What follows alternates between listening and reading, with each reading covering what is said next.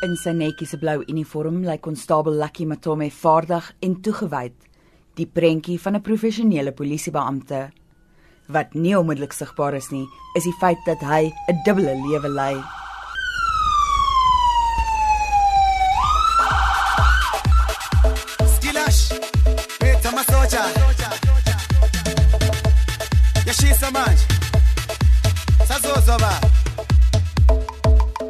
Wanneer hy die rol as Kwaito kunstenaar op verhoog voor 'n skreeuende skare mense inneem, is hy bykans onherkenbaar.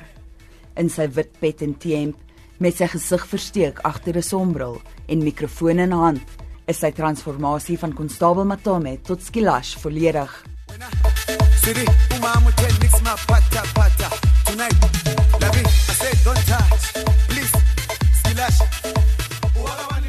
Matome se loopbaan in die polisiediens het 17 jaar gelede begin toe hy as reservis aangesluit het. Teen 2010 was wettoepassing sy voltydse loopbaan. Um, my story is a bit funny, but good in a sense that it actually motivated me to become who I am today. Um, I remember when I was still at school, when I met this particular guy, then all of a sudden I had him pressing a knife on my neck, demanding stuff from me. So I decided rather let him take it instead of him stabbing me.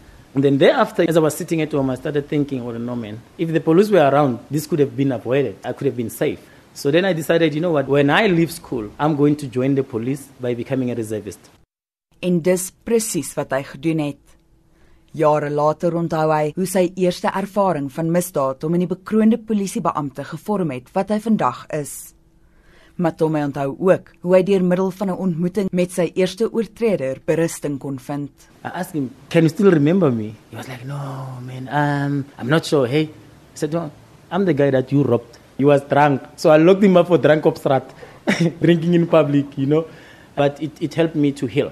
And this assisted me to have a heart to help people because I understand when somebody says I was robbed, I understand it because I went through that. So when I assist people like that, I do it wholeheartedly. Hoewel sy passie vir polisiewerk as tiener reeds ontwikkel het, was hy lank voor dit reeds versot op musiek. Um, I started dancing when I was still in my mother's womb. At home, my aunt used to have Stokvels, you know, so they used to gather together, play music, um, kofifi, you know, those kind of songs. I, I think I enjoyed that because I'm the only musician from my family, like performing one. But the family always had the love of music. Ten spyte van die twee uiteenlopende lewenspaaie, sê Matome dat beide musiek en die polisiediens 'n spesiale plek in sy lewe het. I see them as twins. I love them both. When you have twins, you cannot say this one is beautiful than the other. The fact remains they are identical and they are your kids. So I treat them equally. I give them equal attention. Um, SAPS is what brings bread on the table at the moment, and music is what my heart desires. Matome sê sy verskeie polisie toekenninge en onlangse musieknominasie is bewys dat die een beroep nie die ander negatief beïnvloed nie. To show you that I can balance the two, I have won about seven awards whilst I'm still doing this music thing as well.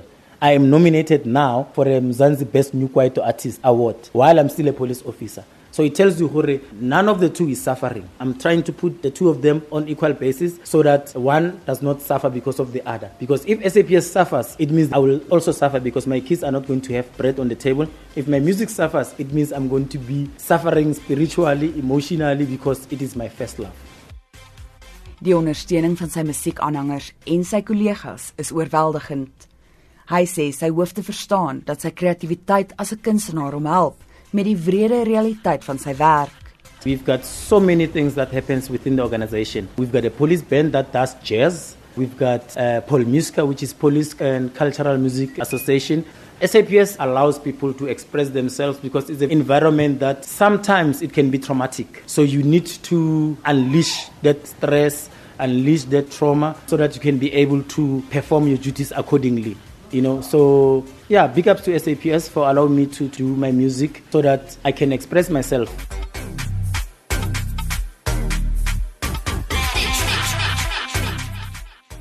Hy sê Kwaito verteenwoordig die siel van Suid-Afrika.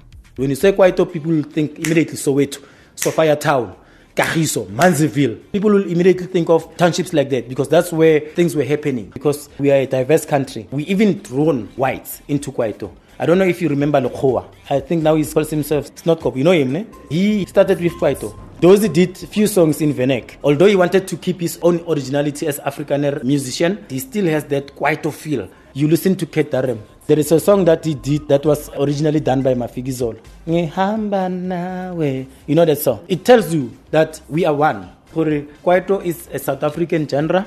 The beat is us. The vibe is us. Kwaito is black. Kwaito is South African. My job is to make you happy through my music. Die stemproses vir die Mzansi House Kwaito musiektoekennings, waarvoor Matome as beste nuwe Kwaito kunstenaar benoem is, sluit op 9 November. Die toekenningsseremonie vind later dieselfde maand plaas. Ek is Jemaine Krige vir SAK nuus in Johannesburg.